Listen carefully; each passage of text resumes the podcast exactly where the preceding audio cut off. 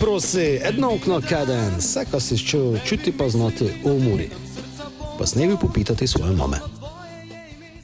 Drage navijačice, dragi navijači, mure lepo pozdravljeni v 34. epizodi podcasta Doj se prosi. E, prvo v leti 2023, srečno pa zdravo še enkrat za nazaj. E, Gnes v moji družbi z desne zvonko Žekš, Pozdrav. prej kot mene Jrnej Šavel, Dober večer. Dobro jutro. levo, Dober dan, odvisno da poslušate. levo od mene desni bek, Amar Beganovič. Amar Ja, sem Zdravo, zdravo. Sem tečal. E, Amar je gnešni gol, z nami smo se malo pogučali. Amar za začetek, kako ti je v prekmuri, kako se počutiš sobote? Pa iskreno, svako me pita, evo već e, godinu dana sam tu, tačno mislim više od godinu dana, 12.1. sam tačno potpisao i stvarno općutim se kao kod kuće iskreno i nekako svi od kad sam stigao tu u, u, u Mursku sobotu su me prihvatili kao da sam kod kuće. Iskreno, Tuzla i Murska sobota nekako mi djeluju da su slični po, po, nekako po družbi i po svemu i tako da mi je bilo lako da se uklopim u to sve. I stvarno, stvarno, veoma sam zahvalan prvenstveno od vrha kluba pa dole do, do što se kaže, do, do igralca i svega, e, da su me tako prihvatili, pa s tim i ljudi u, u soboti. Ne, si se zbog toga toliko brzo uklopio. Pa dobro, iskreno nije to baš tako brzo bilo. Prvi šest mjeseci, evo, kao kaže, ja se treba da se, da se tako naviknem na, na neke novine koje sam ja tu već e, stekao i bilo mi je u početku iskreno, bilo mi je, bilo mi, imao sam male težave kako, šta, prvi put od kuće i sve, Mhm. ali dosta je uticalo na to da su, me, da su mi toliko davali i igralci, i treneri, i svi u klubu, da su mi Mhm. davali neku sigurnost da se ja tako osjećam i nije mi bilo, nije mi bilo onda poslije problema od ljeta kada je krenulo sve, onda sad tih zadnjih šest mjeseci stvarno, stvarno imam fino osjećaj. Moj osjećaj je taj da ima puno prometa, znaš, in and out, transfera. Puno je toga bilo, mislim, klub grada ima neku viziju. I zato kažem, ja čini da se ti pravo brzo uklo- uklopio. Pa, da, pa tako, vjerovatno Mislim, tako na, i na iskustva, na godine ti nisi odigrao, ne znam, koliko se odigrao u Slobodi utakmica? U Slobodi sam odigrao 105 utakmica. Ok, izvini, to je puno. Ali opet samo jedan klub, jedna sredina i Da, kući, da, uvijek da, mamina da. hrana, ovo, ono, Da, zato razumiješ, i mislim, koliko te je- psihički može poremetiti kad dođeš u neku novu Da, zato i kažem da, da mi je taj početak malo da sam imao te težave, da, da nije bilo sve tak, tako kako vjerovatno sad izgleda. Ono, svako ima svoja četiri zida normalno i u kojim Svaka razmišlja, tako da... Sam budi malo više egoista, molim te, to je moja. Ne, Jer ti pun puta ima ove godine priliku da završavaš, ne, ti moraš dakoju da dobacuješ nekome tamo loptu. Ne trebaš, brate, ti imaš pravu batenu i završi to. More tako, kako je na zadnji tekme, ne na zadnji tekme, na prvi, da so me cel špilali, že sem kazal tam z 20 metrov zunanja, rašle, znaš kako je šlo. Dobro. Idete to, svaka čast. Kako si se že navčil prek murščine, kako, kako že kaj razmiš? pa razumijem dosta, ipak ima nekih riječi koje stvarno ne mogu, ne mogu da razumijem, ali ovako kad sad da vas slušam tu kako, kako razgovarate, mislim da mogu sve da razumijem. Tako da, iako pokušavam ja malo da, da pričam, ali nije mi to, ne ide mi od ruke baš. Pa dobro, imaš še čas, zato te še naučimo. Ja, ja ću namjerno danas bosanski. E, Saj v, zdaj, da je odgovarjal, dosta se poučavalo, se vidi, ko e, par besed ga že vleče, ne? Ja? Ko, Ja. ga vleče k non. ne. E, Bi se ga vklopil na prejšnjem, ga se Amaro spomnim, da je resno prišel vse, ne? on je bil v začetku resno izvine ali zgubljen v svemiru, znaš. Ampak, ok, trebalo je čas, ne? trebalo je čas. In zdaj, da se je ta sezona začela, od poletja dole, pa samo naprej. In če boš tako dole, kapo dole. Hvala. Iako slažem se, mislim, ja znam, mislim, ja sam svoj najveći kritičar što se kaže i nije, ja znam da to nije bilo to kad sam ja stigao tu, to je, i kad upališ tekmu da pogledaš, pa nije to, to nisam ja, i onda ajde, sve tražiš neki razlog, ajde tek si stigao od kuće, i onda, i onda kad sam tu i ljeti stigao, da sam sam sebi, kad sam već došao kući, rekao sam na pauzi, vidi, nešto moraš promijeniti, jer tako ne ide. Mislim, ja sam tu i stranac, iskreno, i realno, mi smo tu dovedeni kao stranac da pravimo razliku, kakva, ka- kakva god da je mi tu Mhm. moramo nap- da napravimo. Normalno. Tako da, mislim, drago mi je da sam se na taj način tako brzo uklopio i da sam ja nešto dao klubu, jer realno klub je mene istrpio kroz tih šest mjeseci, onda mi je dao priliku i nadam se da sam... dobro, mislim. Kako ti je pomagalo, seveda nova sredina, eh, navijači v soboti zahtevajo rezultate, pritiske. Kako se ti ležej kosaš s tem pritiskom? Vseeno si bil najmlajši kapetan v, v, v Svobodi. Ne? Kako ti je to dalo nekšega eh, znanja, nekšo, ne, neko toga za naprej? Pa sigurno i to, i to je stvar koja mi je dala neko iskustvo. Um, iako u početku kada su mi dali tu kapitensku traku, to je stvarno bio prevelik teret za mene. Iako ja to možda u tom trenutku nisam želio da priznam kao nije mi teret, to je meni e, kao neki postrijek motivacija veća, ali nije to baš tako izgledalo jer onda sam uzimao neke stvari koje su mimo futbala, ja sam uzimao sebi. Mhm. E, malo je to, bila je takva situacija u tom trenutku e, da nema plata, da ti mora da se boriš za plate za svoje igrača. Ja 19 godina imam, 18. Ja. Ja moram da razgovaram Izaći, sa ja. predsjednikom, prvi put da ja razgovaram sa predsjednikom, da moram zvat sportskog direktora, malo to, to mi je već bila novina i te, te stvari su meni postale teret, da sam ja zaboravio na svoj stvarni posao, a to je trening i futbal. I onda vremenom, kad sam počeo sreća, kažem da sam imao ljude uz tebe, uz sebe koji, koji vode moju karijeru, koji su dosta razgovarali sa mnom na tu temu.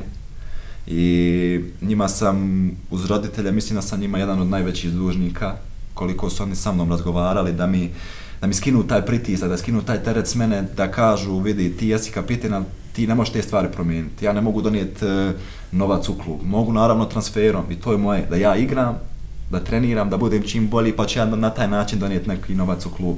Ovako je već bilo da ja zovem predsjednika svaki drugi dan, momci nemaju ovo, ono, ali i to me je dosta naučilo da, da znam da cijenim stvari u životu i, i ovdje stvarno to sam, to sam osjetio da, da se osjećam kao igrač iskreno.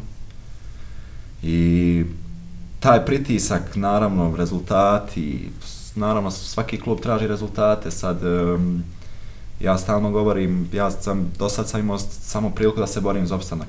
I ovdje kad sam stigao, borio sam se za Europu odmah i onda sam to ljeto igrao Europu. I naravno to je meni bila veća motivacija. I da ja više radim, da se ja više dam. I stvarno mi je, iskreno, mislim, pritisak jest, ali to je onaj fini pritisak. Mislim, mi smo igrači, profesionalci, moramo se znati nositi s pritiskom. normalno. Mislim, uvijek ga ima i u svemu, i u životu, i Ma ja. kakvom god poslu, to je tako. Kako leže je zdaj? Je zdaj to tudi tisto, kako pravijo, ko nogometaš razmišlja samo o treningu, o futbalu, ko ne moreš nekih drugih stvari, tako si prav, ko si imel tam vse te druge stvari, kar si mogel urejati. Ne, Ja, ja stvarno, kad sam tek stigao, nisam navikao na te stvari, da mi, je, da mi je tako sve. Samo je moje da treniram, da radim, red, rad, disciplina što se kaže, spavanje i to je to odmor. I to je jedino bilo što sam ja ovdje kad sam stigao. Nisam imao nijedan drugi problem da kažem evo ovo, evo ono, stvarno ne mogu, ne mogu da griješim duš da kažem evo ima sad nešto u toj situaciji kad sam ja postao kapiten je baš ta situacija je bila mislim možda najgora od ispadanja iz lige kada smo ispali da je to druga najgora situacija koja se desila u klubu kada sam ja postao kapiten i onda su te situacije Za klub za tebe. i da to Za je koga je bila? ne, obostrano je bilo da je bilo stvarno Iz kakve familije si ti inače? Kako ste se sporti, sportisti, radnička familija, koliko imaš braća, sestra? Imam te da, imam jednu sestru stariju od 10 godina, a inače je radnička familija. Na primjer, e, moj tata se bavio boksom i nisam povukao na njega boks, ali povukao sam neku drugu vještinu. Na primjer, od e, svog djeda sam povukao na futbal. I tako bilo je, svi su bili u sportu, sestra prije rukomet, košarka, mama odbojka, sve to, ali većinom je to bilo u mladosti, a sada normalno, kako i godine, sve je to sada radnička. I zarađuju, što se kaže, zarađuju svoj hljeb na pošten način, što je nekako najbitnije. I rijetko. I rijetko, da. u Znam Bosnu pravo dobro, pa znam šta. Ako želiš zaraditi nešto, teško. Teško, ali Ali pošteno, to se skida kapa. Ovaj, e, bos, bos, kako, mislim, to te usporede sa bosanskim, slovenskim nogometom, to sad, mislim, možemo vući, ali ne trebamo, jel? Ali mene ipak zanima koliki, koliki je taj preskok bio, jer malo ja nešto sam i pratim taj bosanski nogomet i vidim, mislim, ne izgleda mi, mislim, meni lajku, ne izgleda toliko drugačije. A što primjećujem, jes, br- mislim, neki faulovi znaju biti onako, mislim, je li to prva ili seoska liga, pitaš se. Pa to je... Ali, Mislim, to gledao sam Da, jednom da, Pitare i Želju, razumiješ? Sarajevu Želju ugled- ugledao si Da, da. i to, je bilo, ljudi moji, to je klanje. Razlikuje se, dosta se razlikuje. Dole je više na fight Ja. i na, na fizičku spremu, što iskreno u Bosni, moram biti iskren, stvarno ima dosta kvaliteta i talenata koji, to je, to je neosporno. ja. Ali mi prvo kad smo imali te terene koje smo imali dole, to je bilo samo za tu igru, za fight, za fizičku spremu i za trku i duge lopte. Ako imaš visokog napadača koji će skočiti, zadržat, da i kupi druge žoge, to je, to je tako. I, a ovdje kad sam ja stigao, već, već je puno taktički, velika taktička disciplina, puno brže se igra, tempo, to je, bil, mislim, bio mi je težak preskok, ali sam se brzo navikao jer treniraš, radiš sve te godine za nešto da bi se navikao na jedan veći nivo, pa veći nivo, veći nivo, mislim da, da vidi, vidljiva je razlika, ali iskreno nadam se, evo sad i u Bosni prave terene, pa da vidimo, iskreno nadam se da će se i to promijeniti. Šta si, zdaj sam skoraj ga šel po tvoje ja, sam, si- ja sam bosanski gastarbajt. Ka, ka, ka, ka, ka, si, ka si znal v Muri prelej, kako si prišel, se ne vem, bili so že bosanski igralci, ker so tudi pustili tu pečat, Nusmir Fajč recimo. Za mene Viteze. samo jedan. Keri. Hari. Ha? Haris. Samo Ali Ali Hođić. Aris, ali imao sam priliku Mislim, njega, kako, izvini što to prekidam, ali on je mene resno, Aris, Haris Alihođić, mislim, sad Nusmir Fajić ovom, pa povem Bosanac, Murski Sobot, Muri, Haris Alihođić. Pa Nusmir Fajč. Ma, ima toga još, sam praviti, ne, pojam, ne, ti su znaš, Bosanac u Muri, Haris Alihođić, to mi je prva asocijacija jedna. Tu se ga z Šablom strinjam. Jer on je bio- 102%. I sad ću reći nešto što nije baš pedagoški primjer, ali znaš, ako ćeš ovako nastaviti kako si barem do sad igrao, sad zavisi koliko dugo ćeš ovdje ostati, ipak je Mura i postao neki tranzicijski klub, ima sve šanse da će, da će te tebe pamtiti. ono za Iskreno se 20-30 nadam. godina. Ono iz. Neko si šel praviti za... Da, imao sam priliku da surađujem sa Harisom Alihođićem u, u mladoj reprezentaciji. Bio je, bio je, bio je, bio je pomoćnik. A, htio sam da pravim za, za Muru, da e, dosta sam znao, jer inače kao futbaler normalno pratimo futbal, ali najviše kad je to ta, realno ta konferenčna liga kad je bila, taj Tottenham kad se desio, to je, to je bio bum. I od tad, iskreno, praćenje slovenske lige je bilo, pa da vidim iskreno Pa što se dešava. Da, bio je, baš je bio bum i Bosna, Hrvatska, Slovenija, Da, to je, to je ja dobivam iskreno čest- bilo. Meni slali čestitke, ko da, Da. ja imam nešto s tim. Ali inače, pošto sam pratio futbal, stvarno sam dosta znao i ali takav podvig jedne ekipe mislim da, da dugo nisam vidio što se kaže iz Mm. eh, četvrte lige da je tako išlo iz treće da, je, da se baš podigla da je i osvojila i pokal i državno prvenstvo tako da pa i tako konferenčna liga. Su pa tu dosta napravili hrvaški mediji. Mhm. Znaš, hrvatski mediji, oni se te nešto izme, znaš, oni povezuju region u tom smislu. Da, da. I Hrvati su pisali, ne, o hrvaški koloniji kada je osvojila prvenstvo. Aha. Oni su pričali o koloniji Hrvata koja je osvojila prvenstvo. Bobi, sad Obradović, Klepač. Klep, ne, Klepač, ja. Još bi- par njih i to je bilo to, ne, to je ekipa Hrvata, ne. Doduše nije tako bilo, ali jeste, mislim, po jednoj strani, da. Zato je to išlo po regionu, ja, ja mislim da je to bio i razlog da je to Da, ali... Bilo svugdje. Da, ali takav podvig jednog kluba, mislim, Ma, što? da, to je nešto, to je stvarno, uf. Zvonko, kaj boš nam kaj povedal? Kaj ti ga na to povem?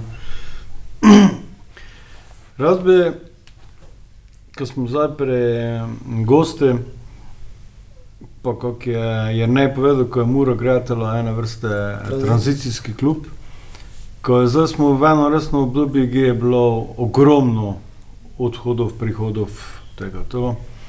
In cel čas premišljam o tom, kako bi se nam moglo zgoditi Beganovičov od vseh teh prihodov, ko bi bili zadovoljni. Je še tisto boš. Ampak večinoma pa kako smo zdaj v zadnjem obdobju imeli tudi prihodov, jih pa leko na prstne roke preštejemo Dobrih. dobrih. Ne?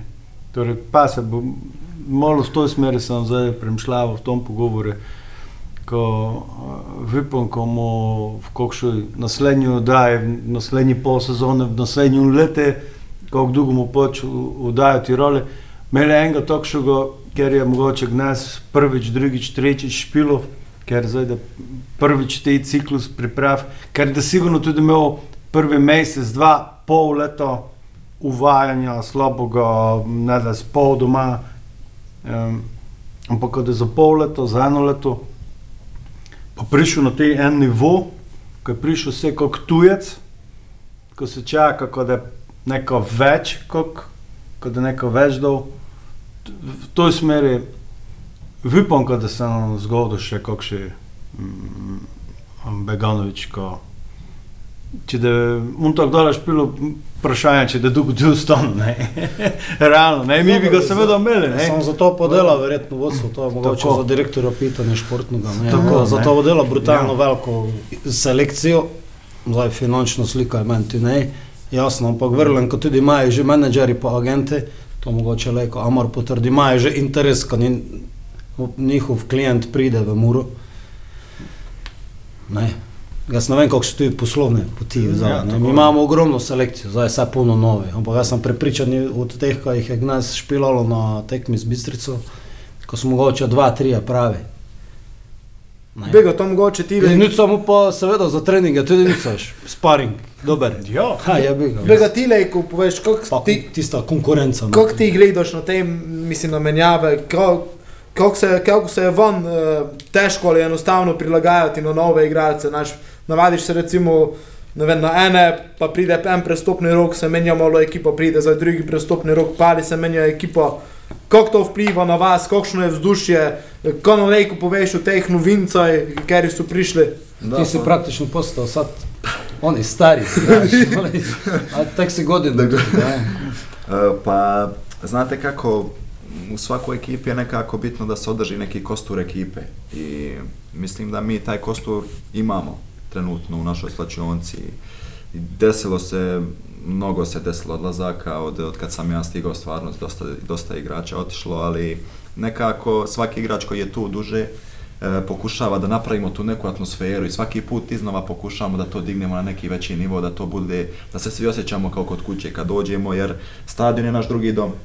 I mi, mi pored našeg doma najviše vremena treba da provedemo na stadionu ili bilo već gdje, ali mislim da, da, da tu u, na, u Muri trenutno da imamo taj neki kostur ekipe, da jeste stiglo dosta novih igrača, ali mi iskreno, evo ja sam tu već godinu dana i svaki igrač je isto prihvaćen. E, niko nije bio odbačen, e, niko nije imao ti nekih problema da, da ima, da, da, da, da dođe da kaže imam problem sa nekim igračem i nešto stvarno, nekako zdrava sredina što se tog tiče, pogotovo za jednakog mladog igrača koji stigne tu e, sredina vrhunska, sad mi imamo stvarno dosta mladih igrača, tako da mislim da, da je najbitnije da nema nekih e, klanova ili bilo čega u slačionici, to je nekako najbitnije za, za jednu zdravu, zdravu slačionicu.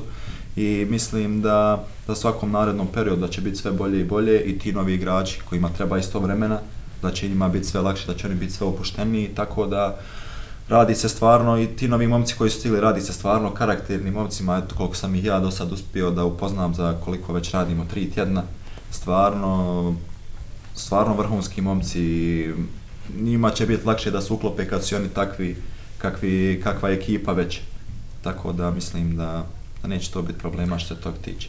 V mejnu si klane, dosti krat se ulica ali pa što spitavlja točno to, ne imamo e, Kosovare, Srbe, Hrvate, Bosance, kako zdaj to, ovi se ne mrejo, to nije vojna, to se pozna kaj v srečilnici, je to, Toga, toga nema, jer znate kako, na primjer, dosta, dosta se gleda površno. E, ko se s kim druži kako. Na primjer, ovdje dosta igrača ima svoje porodice. I njima je mnogo bitnija porodica sad od nekog druženja, da li će ko na večeru, da li će ko na neku kaficu. I mi koji smo tu sa strane pokušamo nekako malo da se držimo zajedno, jer nemamo tu baš neku svoju porodicu, ni kako ja znam, nema ni jedan. I to ta, tako izgleda možda, ali to, to stvarno nije tako, slačionice tog ne osjeti, svako, si, svako sa svakim može kafu popiti. To se na pripremama vidi da se svako sa svakim druži, da svako ko svako hodi u sobu, priča, to, to je, pripreme su najveće mjerilo da, da tog nema, da tih klanova nema. A Da, pričao si karakter, znaš, da to ću reći. Mislim svakako, ako nemaš taj karakter, mislim izbacila bi te slačionica svakako, da si Da. ti neki hejter Da. tamo nešto. normalno, da.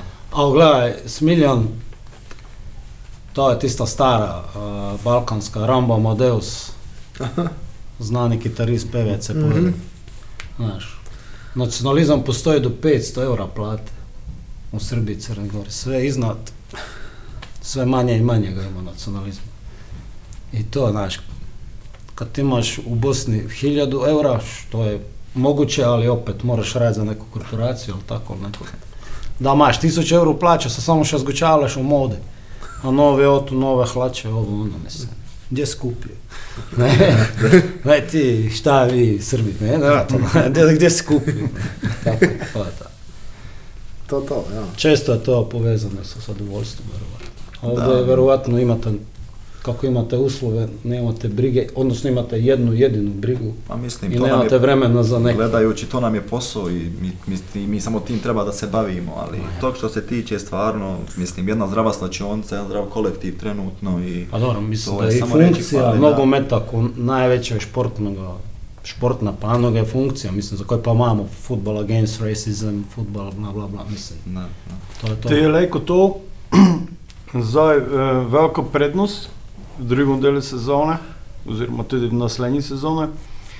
Eh, bom prav ena vrste eh, razbremenjenost.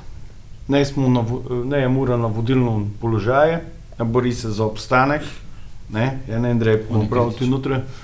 Eh, On je prekritičan. Eh, je lejko to za ena prednost, ena tista homogenost slčilnice, eh, prijateljstvo med dvoma igralcami, eh, njegov obremenitev, mladi igralci mogoče se tako ne čaka, pa da ekipa poleti.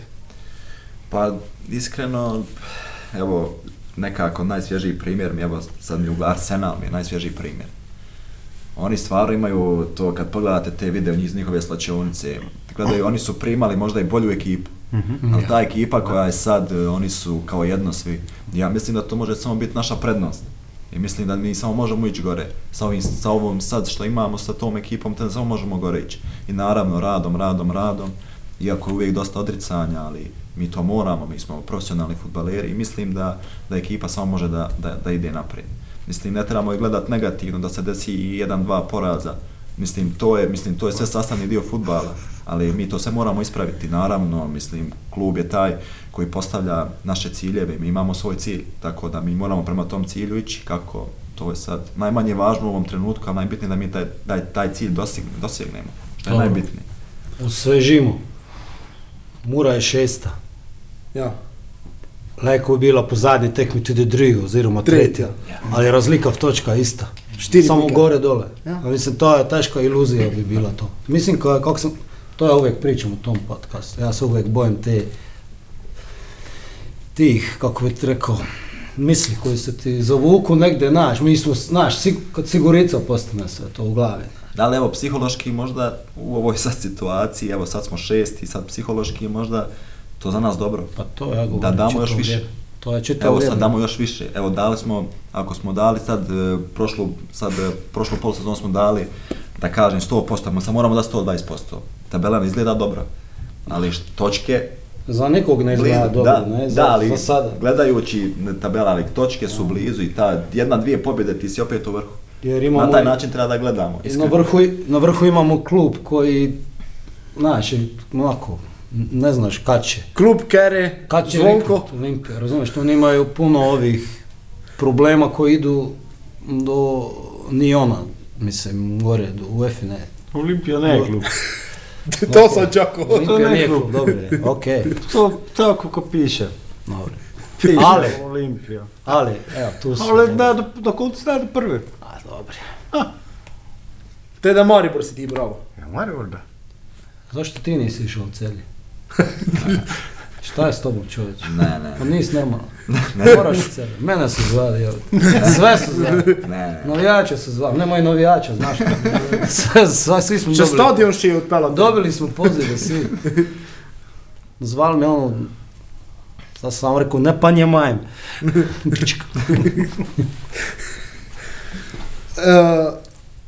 Kaj idemo malo na to, ti ocipot pred prestopom specijo, više manje, da je uradno vsaki čas. Uh, uh, kako je en takšen prestop, tudi van, ker ste špilali z njim, uh, ko bi prav pomeni, kako tudi eno pot lejko kaže, ko dejansko tudi z mure v ligu peterice prideš lejko. E, Prvenstveno drago mi je zbog tija što je, što je takav prestup napravio jer iskreno to je vrhunski u otići u seriju A. A svakako da, da samo trebamo da imamo svaki igrač koji, odnosno igralec koji e, e, treba da ima na umu da kakvi klubovi prate Slovensku ligu. E, mislim da, da i ti od tog nije bio svjestan do trenutka kad nije došlo već ponuda, evo specija, idemo sad. I svakako da, da mi moramo isto na taj način da gledamo da je, da je sve moguće. Tako da, da to svima nama treba da bude jedna velika motivacija, još veća da damo kako, kako na treninzima, tako na utakmicama i mislim da, da će iskreno nadam se da će u budućnosti biti još takvih prestupa, što da ne Mura kao klub to, to, i, to i zaslužuje. Zdaj že kaj, uh, se kaj slabše počuti, boljše, kaj ne motivira pole, kako, kako to vidi. To za ekstra oddajo. S kakšnim psihologom. Mora se priviknuti. Bez uraza. Ko će, ko će imat veće probleme, Kaj ili ti? Tio. Kaj je bio iza njega, to je bila... Pa, Ne, mislim, starije. Ja, mislim, ja iskreno ne sjećam slike iz grada, scene iz grada da ih ne vidim zajedno. Da, to, to. Stvarno se ne sjećam, a znam ih od kad su se rodili. A Da, stvarno ali, sam mislim, ne- taka, tako da moram, bilo je vrijeme, pitanje vremena kad Kako će će se to, razvojiti. kako će to izgledati? Tio, Tio je pravo v enem zadnjem intervjuju, ker ga sem snemal z njim, je prav, kaj, kako, kaj je. Kaj da imel krizo? Ja, kad je, ker je Tio vse rihto, uh, ne, kaj je samo prišel gotovo, je pravo, ne.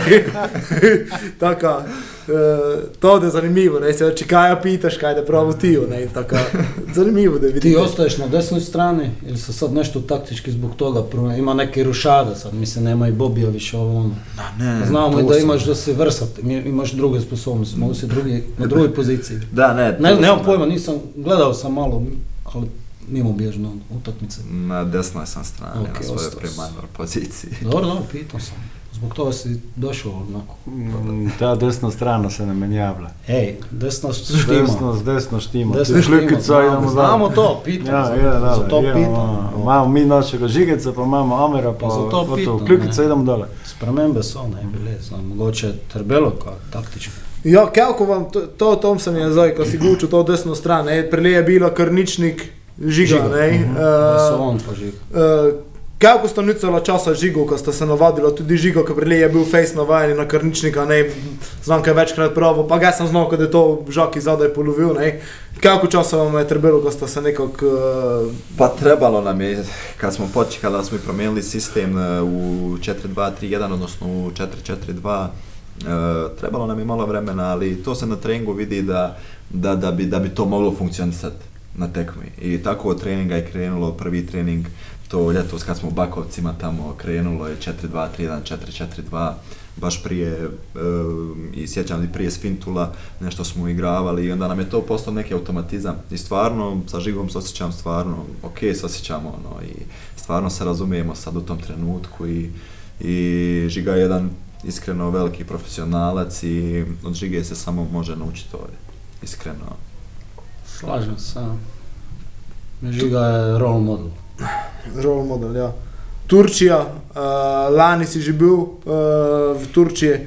Kako je to za ekipo, sploh v tom momentu, ko se je toliko igralcev menjalo, pomembno zaradi nekega bombanja, zaradi toga vsega skupaj? Da, pff, izjemno, to je, to stvarno, to, to ekipa treba, to ekipa stvarno treba.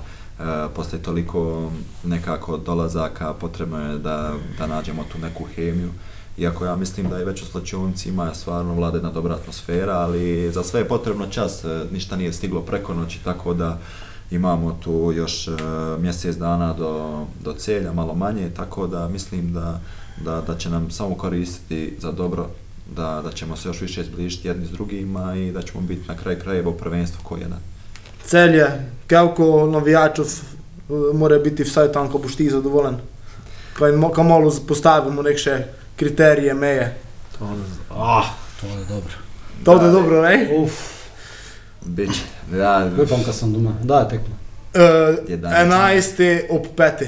Sobota ob 5. 11. drugi. Ma, Nega te, ne? Sidu tam samo ti očitno, ne? Ja, ker avtobusi se že punijo, tako mislim, ka na tom mestu od Gnes pa vsak še podcast dotekamo snemali pa stalno si v celje, ker eh, kako bi pravili, celje sigdar črno-belo je, ne? ker tam smo sam, večinoma samo naši navijači. Ja. ne. Eh, Torej, Blake, to mi podrli tisti rekord z Maribora. Ko bi nas več bilo.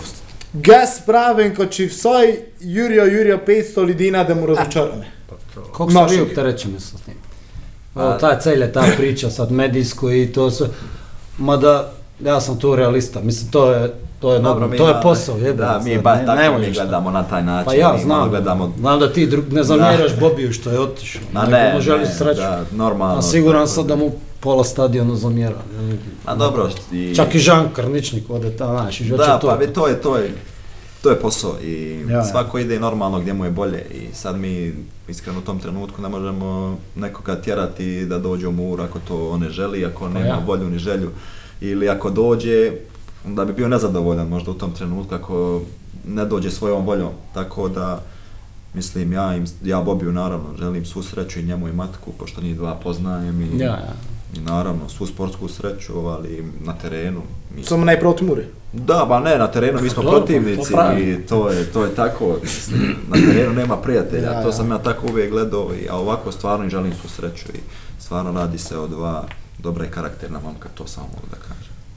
Da pa zanimivo, ker je jih prva tekma prvenstva spomladi v celje. Ne? Super, dobro, Ja, dobro za nogomet. Jaz sem, da sem se vse pelal na tekmo, prelej, sem po avtu in študiral.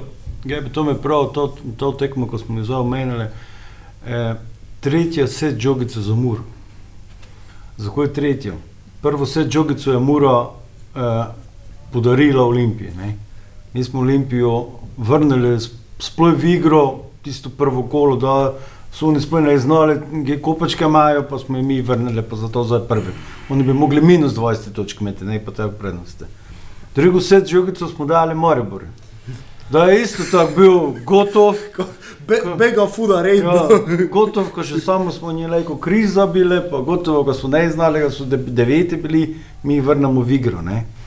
Ja ne bi rad, ko to trečjo žogico še damo celje, ko jih te njih vrnemo v igro, Treća sreća za nas. To je evo, pa te njih odplaknemo, ko da oni eh, s to svojo eh, super ekipo v narekovaje, to poslušalci ne vidijo, eh, da jih mi na realnost na tla postavimo v celje, te da oni videli, ko so oni ekipljeni, pa ko so oni skupaj spravljeni. Tako, njih moramo mi iz igre vršiti že prve začetki februara, pa Navijač, srečno. pravi. Srečno, Tu Adi, nema z njimi končamo. crno-bijelo, nema crno- to je samo crno-bijelo. Tako da- Nema crno samo Če, crno. če, če celje prvo kolo v, iz, vržemo v z igre, Olimpija je tako nek klub, tako te edino mi pa moramo ostanemo. A ko pa kupar, pa domžale to pa. Ti še špilajo?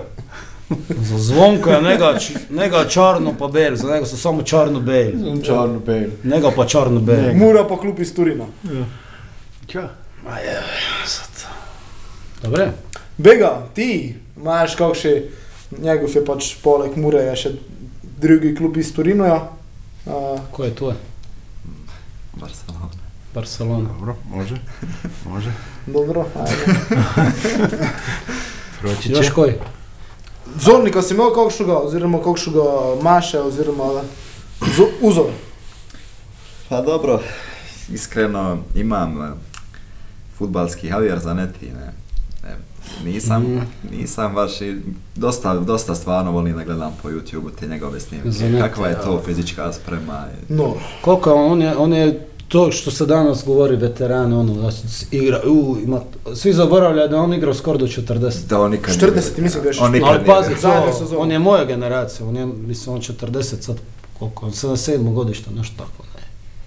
Da, Javier Zanetti, a u mod, a sad evo gledajući moderni futbal, Daniel Veš je bio taj. Ali Ja. Zanetti je, što se tiče svega fizičke spreme i svega broj jedan, ne, to je, to je čudo. Ja. Prej smo govorili o bosanski lige. Zdaj, pa če gledamo bosansko reprezentanco, je pa kar jebeno močno, ne? Pa puno bolja situacija sad. I dosta nekako dolazi nove generacije. I mm, stvarno mislim da u budućnosti da ćemo imati još bolju reprezentaciju, ali teško ćemo mi nadomjestiti jednog jedina Džeku, Miralema Pjanča, iskreno. To je, mislim, da se u Bosni da se jednom rađa, iako bi ja najviše volio da mi imamo još dva takva, ali takvi karakteri, takvi profesionalci, takav odnos prema dresu koji oni imaju, Mhm. to je, pogotovo Edin Džeko, on je, Ja, je ja. stvarno. Pošto znam malo to, malo više o toj situaciji, znam da je politika tu i veliki problem, u, i, s- znaš, i sve je podijeljeno sa tri, ali svakako, mislim da ima vaš savez puno više posla po čitavoj Europi za napr... Mislim, puno posla po, po Europi sad pohvatat sve ove momke rođene prije par godina, ne znam, Da. do minus 10 godina ako ti, mislim, minus 20 godina hoću reći. Jer stvarno vas ima Ima, puno ima stvarno. ove djeca, izbjeglica sad, ali koji su dosta- vaspitani ali u nekim klubovima, Jasno. a ovi najbolji svakako su, znaš, u 21 i treba ga sad, Ali dosta, Osjećam. mislim da Savez sad dosta radi na tim stvarima da, da dovedu te igrače koji su Ja. rodili. I ako to već naprave, već imamo ozbiljnu reprezentaciju gdje ti igrači već igraju u ozbiljnim pa klubovima. gledam švedsku ligu, bio pri Švedskoj prije mjesec i znaš što mislim, gledamo, mislim, šta je? Da. Ti znaš koliko ima Kosovara, koliko ima Bosanaca, sve su sve šveđani. I Makedonaca koliko, bolesno. Najbolje znani svet, švet, Zlatan. Da. Štaš? Ima još jedan Amar Beganović, znaš što? Sportista. A igra u Elite Prospect League. To je hokej. U Kanadi. Ima Kanačan. Ja znam. Mislim da mu je neki 5, 16, 17 godina. Slučajno pre neki dan nešto hokej ovo ono sa, i i ovoga, mislim, sasvim slučajno, Beganović, na, a to neki kliknuo, Amar Beganović, nemoj. Ja poznajem jednog eh, što mi je do Manta slava, ali on vozi formulu, tako da Ja, sad ima, Isto Amar Beganović. Ima Amar Beganović. Pa ima. Dobro, mislim, Beganović nije sad prezime koje nije nepoznato, samo baš Amar i svi sportisti, ima nešto tu. Tvoja ambicija si ti, mislim da reprezentanci smo govorili, si že ti mogoče tudi pričakoval kakšen poklic ali kaj takšnega, vseeno imel si, imel si kar dobre pol sezone v Mure, uh, Evropa se je špilala, Da, pa normalno da to je, to je san svakako.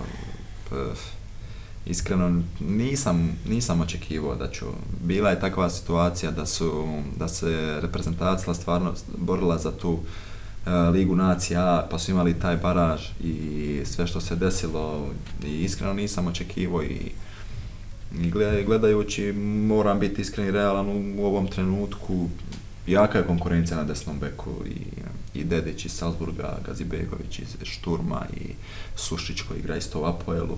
Tako da možda dođe trenutak i vrijeme, ali nisam opterećen tim stvarima.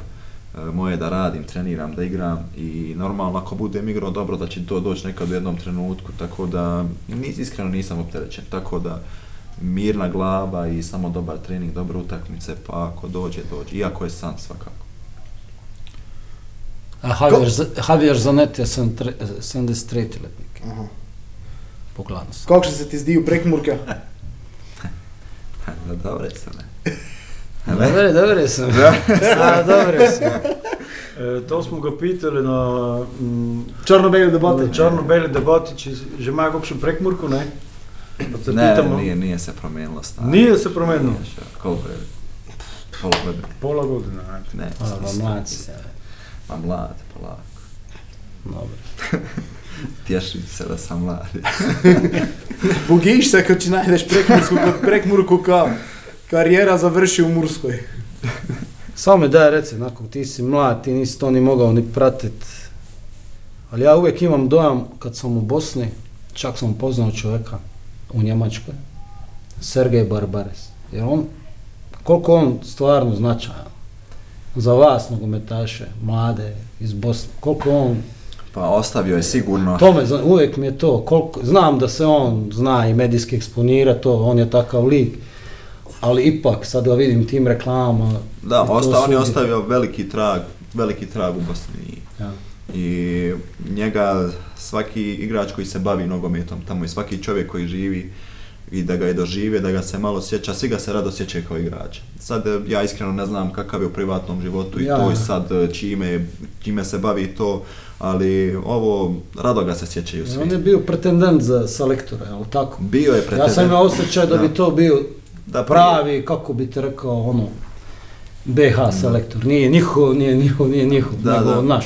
Da, ali svi ga se rado sjećaju, tako da i svi bi naravno voljeli da on jednom dođe, ali sad je sve to pitanje vremena, da li je pitanje vremena, ali evo već je Bosna je dobila već novog selektora, Mhm. Faru Hadžibegić, tako da, da. da, stari novi, da. Kakav je tvoj, a ne smiješ komentirat, nećeš doći poziva. I iskreno svi ga se rado sjećaju, to je stvarno, on je ostavio jedan veliki dojam, on je bio i kapiten reprezentacije, tako da bio je vođa liga Ja, ja. i svi ga se samo sjećaju po dobro. On se ga ne sjeća. On ne zna ko je Sergej Barbares, ne znaš. Dobro, ja se ne sjećam. Samo na ne iz... Ne Bez zajbanci. Ne spomiš se? Ne. HSV, Hamburger. Ja. Jaki igralac. Žalim Čelačku, slučaj. ja? Ja. Ne, pa ono, frizura, blond. A, stari. Boš mi mogu Igrač. pokazati.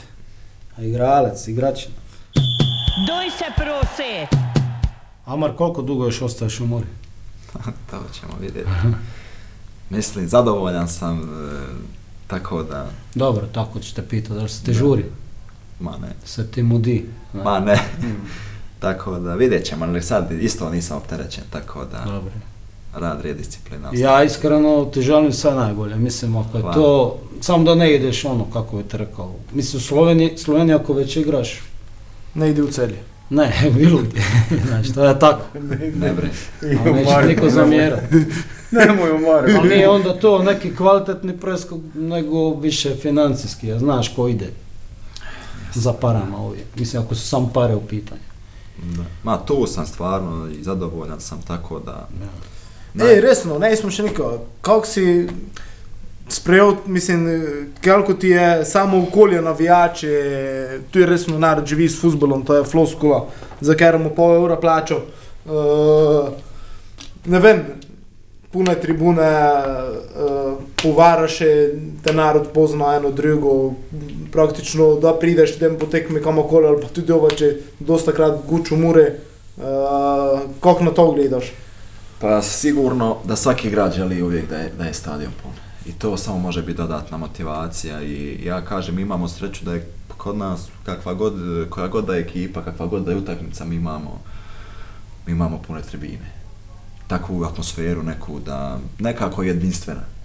I iskreno to je, to je nešto što svaki igrač poželi. I nekako kako je ovaj sad ambijent se promijenio, kako je teren bliže ovoj tribini, malo Mhm. još, još bolji osjećaj. Tako da, iskreno, ni ja u početku nisam, nisam mogu ni da se naviknem da me svi poznaju, da kao Amar, kako ti mene znaš, ono, i, ali onda, onda sam shvatio koliko ovdje ljudima znači klub Mura. I onda to moraš uzeti ozbiljno i moraš se, prije svega moraš biti, pogotovo tim mlađim generacijama moraš, moraš biti pokazatelj kako treba, moraš biti profesionalac i na terenu i van njega. Tako da treba Znači paziti. privilegij i dužnost. Da, to. moraš i paziti gdje izlaziš, kako izlaziš, s kim izlaziš, šta radiš i to je odgovornost. S kim se najviše družiš ovdje? Od... Pa najviše se družim sa, sa, sa Drigom i sa Dakom, eto. Ali sa svima, iske, kao što smo već Jeste već naučili ono brojati po albanski, od 1 do 10. Jedu, tre, kotar, pet, još tot. Eh, zaboravio sam da. Dobro. to mislim, onda radiš na prestupu u Albaniji. Šta ćeš, u Tiranu, Partizanu. Ne, ne, dobro je to, dobro. Mislim, to je uvijek ono, je ta kvaliteta nogometnih slučilnica, ali pa mednarodnih slučilnika. Tako to doživljam, kao šaleko, kaj se tak. Ono, da se još nešto naučiš usput, nešto. Da, ono, da. beskorisno znanje, znaš, ali ipak je znanje. Dobro. Te pa naj ti najbolj to nalaganje Ja. za gnezdo dosta. Super, hvala ti, Amar. Hvala vama. Bil si dober gost. Zato Samo še bojo to dole, Kom- dober slačilnice pa na terene, pa je to Hvala, to. hvala. Ampak so, dober, ne odličen. Da. Tako. I što manje ozljeda je toga. Hvala. Naš, Hvala. je ipak to je sastavni dio, pa paziti. Evo, prišli smo kraji, 34. epizoda zaključena. Hvala Zvonku in hvala Jerneji, hvala Amari, ko si si vzel čas. Uh, zdaj pa brez poškodb v Turčiji, te pa na celje. Hvala. Hvala. Se vidimo, čau. Čau. Doj